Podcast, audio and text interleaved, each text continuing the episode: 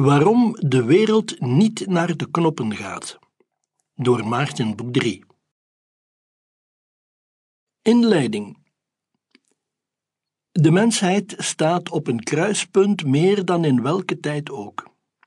Eén pad leidt naar wanhoop en ontreddering, het andere naar de totale uitroeiing. Citaat van Woody Allen. Laat ik beginnen met een simpele meerkeuzevraag. Welke van de volgende stellingen is correct? 1. Er is ontzettend veel ellende in de wereld. 2. Nooit eerder was er zo weinig ellende in de wereld als vandaag. Ik geef toe, ik heb je op het verkeerde been gezet. Mijn quizvraag was een vals dilemma. Niet omdat de waarheid ergens in het midden ligt, maar omdat beide stellingen volkomen juist zijn. Beginnen we bij de eerste. Er is inderdaad ontzettend veel ellende in de wereld.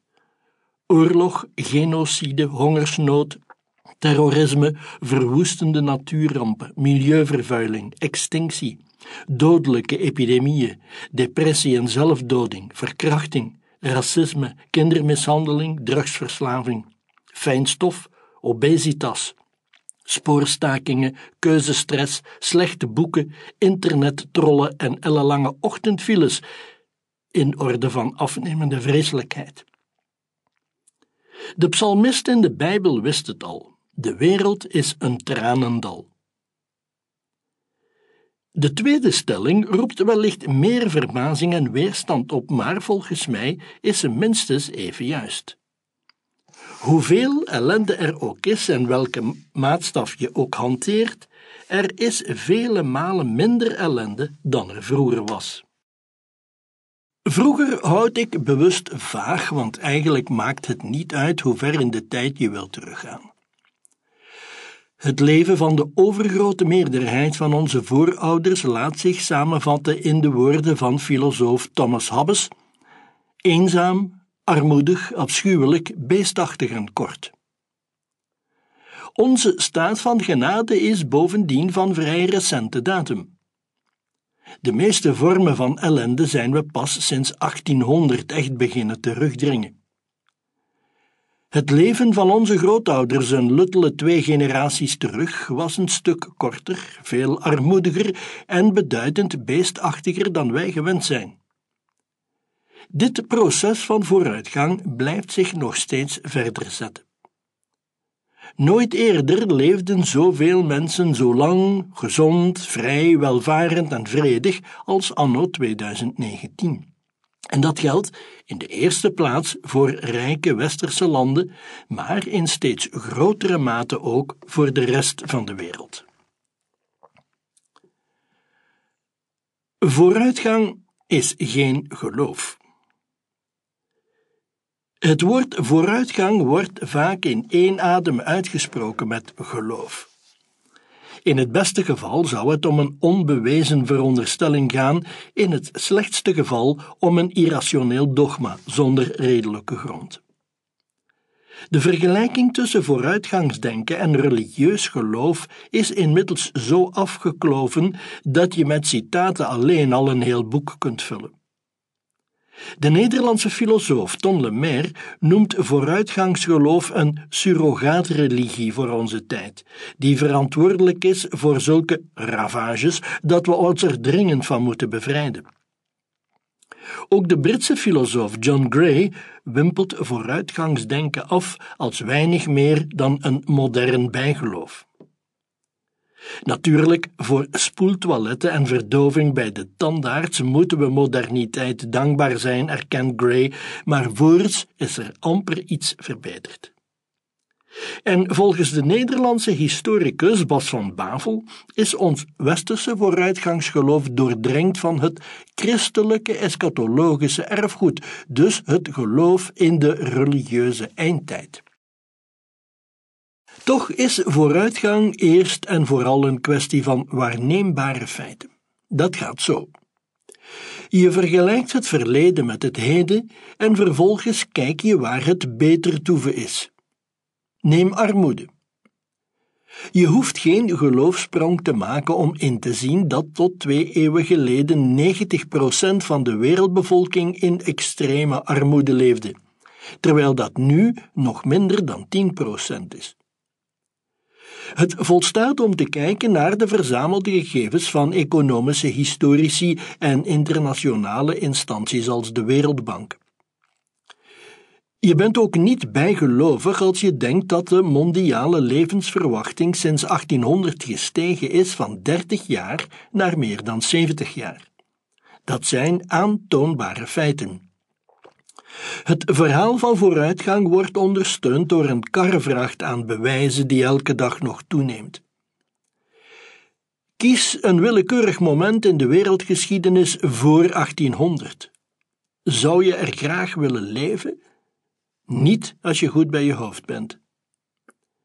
Nu geloven sommige denkers dat vooruitgang een kwestie van historische noodzaak is, alsof de mensheid vanzelf wordt opgestuwd door de golfslagen van de geschiedenis. Deze school van vooruitgangsdenkers met vertegenwoordigers als de filosofen Georg Hegel en Karl Marx stelt dat de geschiedenis zich afwikkelt volgens bepaalde wetmatigheden of logische schema's die zullen uitmonden in een voorbestemd eindpunt, doorgaans een toestand van opperste volmaaktheid.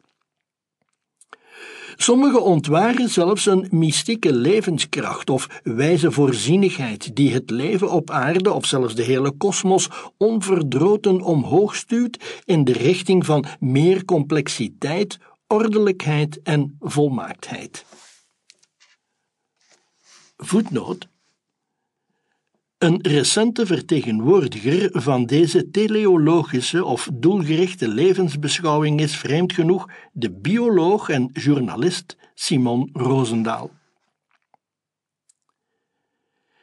Als je dat bedoelt met vooruitgangsgeloof, dan schaar ik me volledig bij de ongelovigen. Het gaat immers om een irrationeel denkbeeld waarvoor geen spatje bewijs bestaat. Bovendien is een dergelijk vooruitgangsgeloof lang niet onschuldig, zoals de ravages van het communisme in de 20e eeuw aantonen. Nog de menselijke beschaving, nog de levende natuur, nog het universum in zijn geheel wordt door mysterieuze krachten opwaarts gestuurd. Een eenvoudig argument maakt dat duidelijk.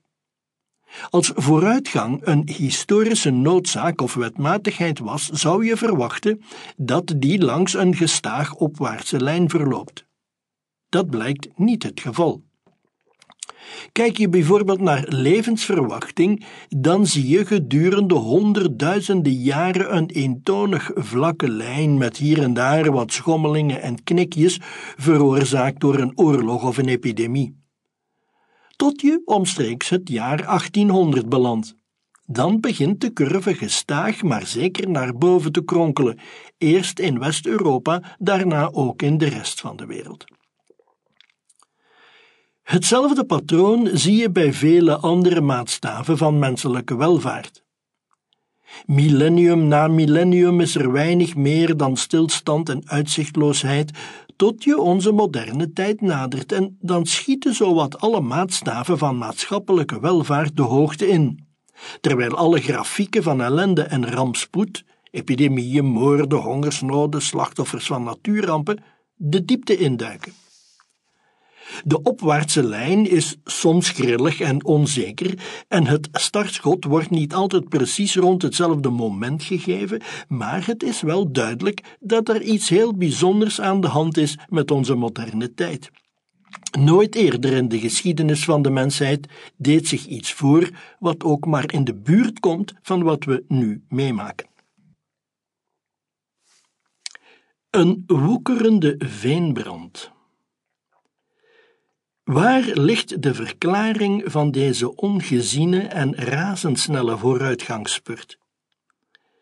In wezen gaat het om een stelsel van ideeën dat meermaals in de wereldgeschiedenis opflakkerde op verschillende plaatsen en in verschillende beschavingen en dan telkens weer uitdoofde, tot het uiteindelijk op één plek in West-Europa rond de 18e eeuw voldoende zuurstof kreeg om echt vlam te vatten en dat zich sindsdien als een woekerende veenbrand over de rest van de wereld verspreidt. Dat stelsel van ideeën noemen we verlichting. Dat de verlichting daar en dan ontbrandde, was geen historische noodwendigheid, maar een speling van het lot. Het had ook eerder en elders kunnen gebeuren, of later, of nooit. De kiemen van de verlichting werden gelegd tijdens de wetenschappelijke revolutie, een eeuw eerder. Wetenschap, zo schreef de Oostenrijkse auteur Stefan Zweig in zijn beroemde autobiografie De wereld van gisteren, is de aartsengel van de vooruitgang. Het geheime recept van de wetenschappelijke methode, later overgenomen en uitgebreid door de verlichtingsdenkers, is bedrieglijk eenvoudig. Als het een stappenplan was, ging het ongeveer als volgt. Erken eerst dat je onwetend en feilbaar bent. Verwerp vervolgens alle openbaringen, overleveringen en dogma's. Bedenk nieuwe ideeën en hypothesen. Toets ze aan de werkelijkheid en aan de kritiek van anderen. Behoud voorlopig wat werkt en verwerpt de rest. Gebruik vervolgens de beste en meest beproefde kennis om de wereld te verbeteren. En tot slot, haal je nu niet in je hoofd dat je de waarheid in pacht hebt, maar begin de hele cyclus van vooraf aan. Als je dit stappenplan van proefondervindelijke zelfverbetering toepast op de kosmos, dan krijg je de wetenschap. Als je er de samenleving mee inricht, dan krijg je de liberale democratie. En als je het aanwendt om menselijke noden en behoeften op de meest efficiënte wijze te vervullen, dan krijg je een vrije markteconomie. Dit is volgens mij de kern van ons vooruitgangsverhaal. Een eindeloos toernooi van ideeën in een open en vrije arena, telkens opnieuw. Naar de knoppen als wij echt in het beste tijdperk ooit leven, dan zijn wij stuk voor stuk ongelooflijke bofkonten. Is daarmee echter het hele verhaal verteld? Net omdat onze recente vooruitgangspurt zo uniek en ongeëvenaard is, dringt zich een prangende vraag op: kan dat mooie liedje blijven duren? Raakt ons geluk niet stilaan uitgeput? Is het binnenkort afgelopen met onze staat van gratie? Komt hoogmoed voor de vol. Ik zei al dat de geschiedenis geen verhaaltje met een vooraf bepaalde ontknoping is. Dus wie verzekert dan een goede afloop? Bovendien kan je je afvragen of al die fraaie opwaartse grafieken niet misleidend zijn. Heeft vooruitgang ook geen schaduwzijde, valkuilen, addertjes onder het gras? Als je alle recente boektitels die woorden als einde, malaise, crisis, verval en ondergang bevatten op een rijtje zet, dan kun je een hele kast vullen. De een spreekt over de ineenstorting van Europa, de ander over het einde van de naoorlogse vrede, de ondergang van het avondland, het einde van de welvaartsstaat, het verval van het Westen, de zwanenzang van het kapitalisme, de recessie van de mondiale democratie het langzame stervensproces van ons milieu en waarom niet het einde van de mensheid, de vernietiging van de planeet. In mijn handen houd ik The Great Regression, een recente bundel waarin vijftien vooraanstaande intellectuelen uit de hele wereld hun licht laten schijnen over onze huidige malaise. Van Slavoj Žižek tot Zygmunt Bauman, en van Pankaj Mishra tot David van Rijbroek. De titel beschrijft goed het onbehagelijk gevoel dat mensen krijgen als ze de krant openslaan of de tv aanzetten. Het lijkt wel alsof de versnellingsbak van de geschiedenis in achteruit is geschakeld. In Syrië en Jemen woedt een bloedige burgeroorlog. In Zuid-Soedan dreigt hongersnood, in Libië heerst de totale chaos. Naties als Turkije, Rusland en Hongarije bevinden zich op een hellend vlak naar dictatuur. Europa is een reus op leme voeten, strompelend van crisis naar malaise. Miljoenen mensen slaan op de vlucht voor etnische conflicten, politieke vervolging en armoede. Terroristen zaaien overal dood en verderf.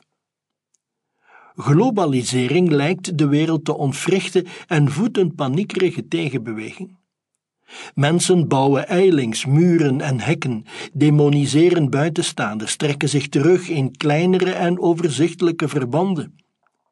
Zoals één cultuurpessimist, de schrijver Bas Heijnen, ons tijdsgevricht onlangs samenvatte in zijn boek Onbehagen.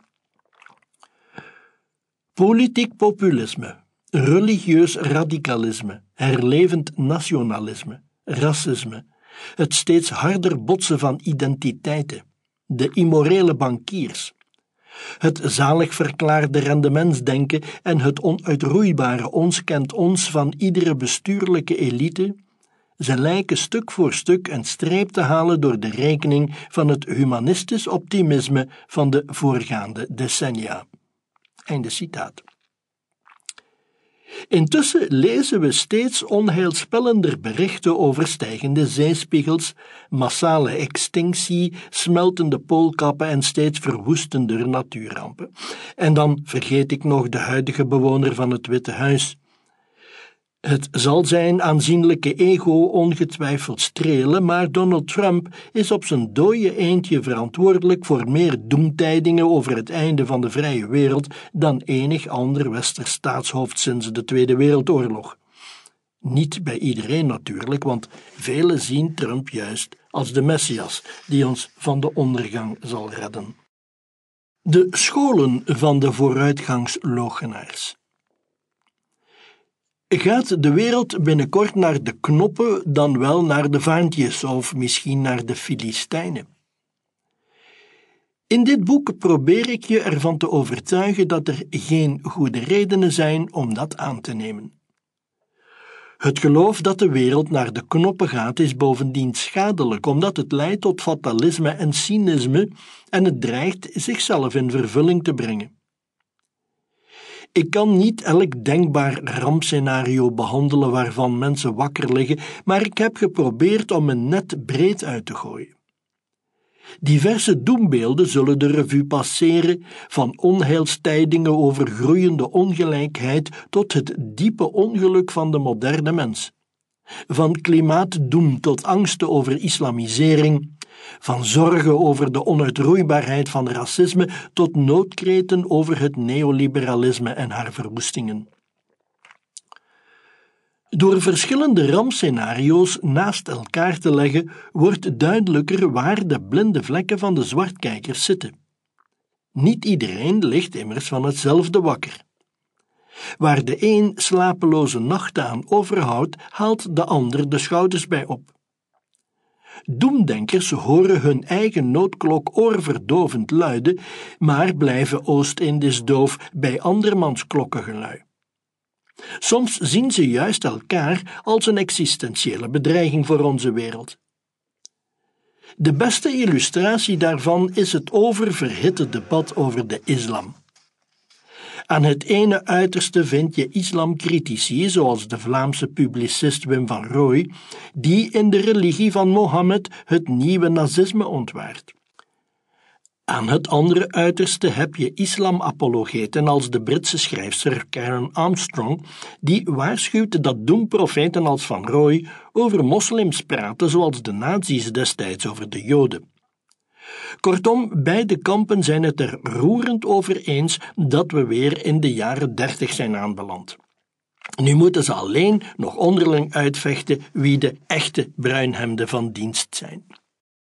In dit boek onderscheid ik vier strekkingen onder de vooruitgangslogenaars, dus de critici van het vooruitgangsdenken.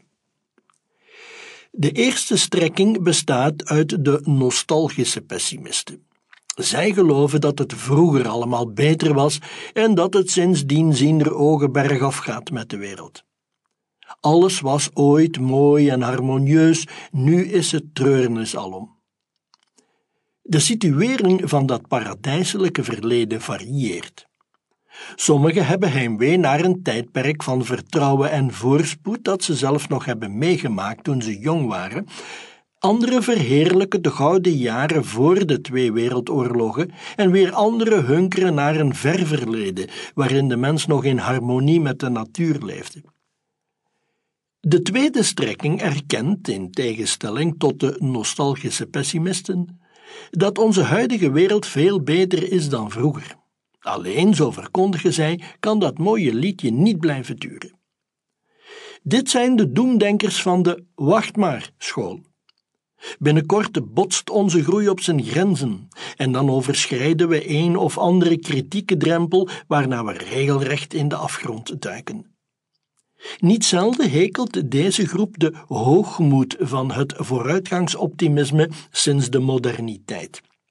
Het geloof van de moderne mens dat de bomen tot in de hemel zullen groeien, moet zich vroeg of laat wreken. De derde strekking omvat de cyclische pessimisten. Deze groep betwist niet dat het momenteel behoorlijk goed gaat, wel dat onze moderne vooruitgangsspurt uniek zou zijn. De wereldgeschiedenis kende wel meer van zulke periodes van relatieve welvaart en vrede, al dus de cyclische denkers, maar die komen vroeg of laat ten einde. De geschiedenis volgt geen rechte lijn, maar vertoont een eeuwige wederkeer. Vette jaren en magere jaren wisselen elkaar af, net zoals oorlog en vrede, en de condition humaine blijft immer dezelfde. Nu lijken we goed te boeren, maar in het aanschijn van de geschiedenis is dat slechts een lokale en tijdelijke schommeling, een golfslag op het water. De vierde en laatste school bestaat uit de tredmolendenkers. Zij erkennen de eerder objectieve maatstaven van vooruitgang. Meer rijkdom, minder geweld, langer leven, maar ze geloven dat we ondanks alles op de een of andere manier geen vorderingen hebben gemaakt. Het ene morele kwaad is verdwenen, maar het is ingewisseld voor een ander dat even erg is. Onze levensstandaard is enorm verbeterd, maar dat heeft niet tot het verwachte geluk geleid. De vooruitgang sinds de moderniteit situeert zich vooral aan de oppervlakte, maar daar waar het er echt toe doet, zijn we geen stap verder geraakt. En door al die hooggespannen verwachtingen zijn we zelfs teleurgesteld. In de praktijk zijn de scheidingslijnen tussen de verschillende scholen niet altijd even scherp te trekken. Een pessimist kan geloven dat het al enige tijd met onze samenleving bergaf gaat, nostalgisch denken, maar dat de echte catastrofe nog moet komen. Wacht maar. De cyclische school van pessimisme en de wachtmaarschool overlappen ook deels. Beide stellen een periode van neergang en verval in het vooruitzicht, maar bij wachtmaardenkers is die doorgaans nog een stuk dramatischer en abrupter. Bij sommige zwartkijkers krijg je ook de indruk dat ze er zelf niet goed uit zijn tot welke school ze behoren. Balanceren we anno 2019 op de rand van de afgrond, of zijn we er al enige tijd geleden ingetuimeld? Als je naar pessimisten luistert, merk je dat ze soms zwalpen tussen beide standpunten, omdat ze gewoon niet bijster consistent zijn. Niettemin vind ik deze vierdeling verhelderend om in het achterhoofd te houden. Structuur van het boek. In het eerste hoofdstuk zet ik de belangrijkste feiten en cijfers over menselijke vooruitgang op een rijtje. Daarna stel ik de vraag hoe het komt dat zoveel mensen de indruk hebben dat het steeds meer bergaf gaat met de wereld. Waarom vinden doemdenkers en cultuurpessimisten zoveel aftrek? Ik bespreek een aantal eigenaardigheden van het menselijk brein die ons vatbaar maken voor pessimisme. Doemdenkers, zo zullen we zien, klinken ook altijd slimmer en diepzinniger dan optimisten.